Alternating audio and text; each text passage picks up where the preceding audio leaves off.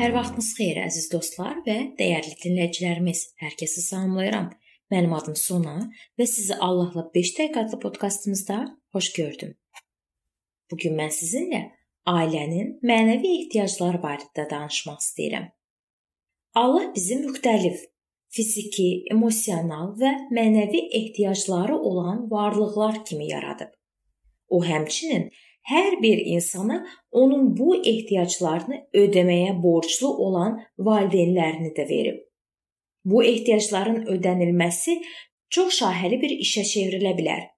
Ona görə də bir çox hallarda valideynlər müxtəlif səbəblər üzündən belə ehtiyacların birini və ya bir neçəsini gözdən qaçıra bilərlər. Belə vəziyyət həm ailədə, həm də uşağın həyatında tənasübsüzlük yaradır. Bu mövzumuzda diqqəti ilk növbədə ailənin mənəvi ehtiyaclarına yönəldəcəyik. Uşaqlar dünyaya ağ vərəq kimi təmiz şuurla gəlirlər. Biz onları Allaha doğru yönəltməliyik. Hər gün fikrimizi Allaha cəmləməliyik. Onun və onun gücünün qarşısında ehtiram göstərməliyik. Həmçinin həyatımızda onun kəlamını əsas tutmalıyıq. Allahın kəlamı əsasında yaşamaq zərurətinin dərk edilməsi uşağın yaşı və düşüncəsindən asılı olaraq dəyişəcək. Amma məktəbə qədər yaşda olan uşaq da Allahın yaratdığı qarşısında ehtiramı hiss etmək bacarığına malikdir.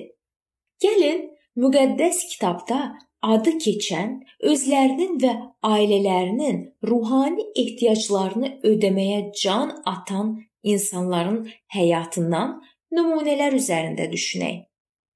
Daniel qərar aldı ki, özünü murdar etməsin.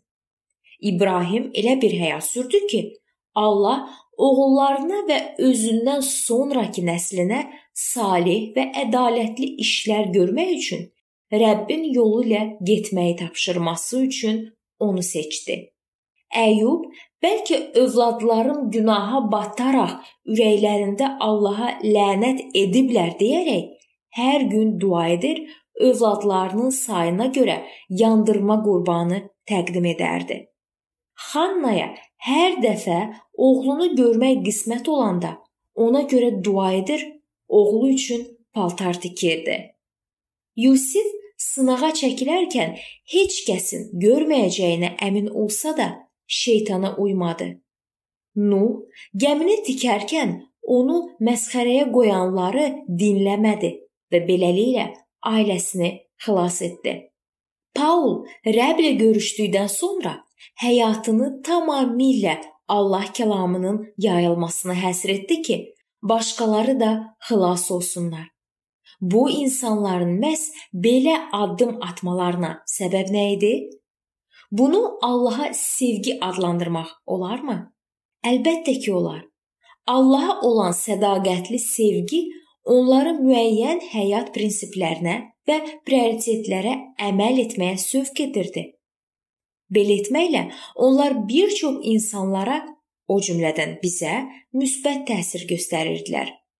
Ailənin mənəvi ehtiyaclarını ödəmək barədə düşünəndə özünün prioritetləriniz barədə fikirləşməyiniz də çox vacibdir.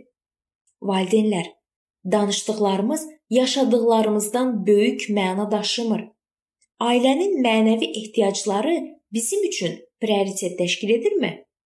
Əgər bu belədirsə, ailəmizin qayğısına necə daha yaxşı qala biləcəyimizi anlamaq üçün böyük səylə Allahın dəstəyini axtaracağıq.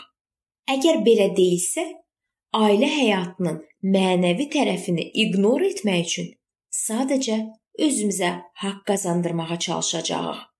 Bu mövzunun davamını biz növbəti görüşümüzdə araşdırmağa davam edəcəyik.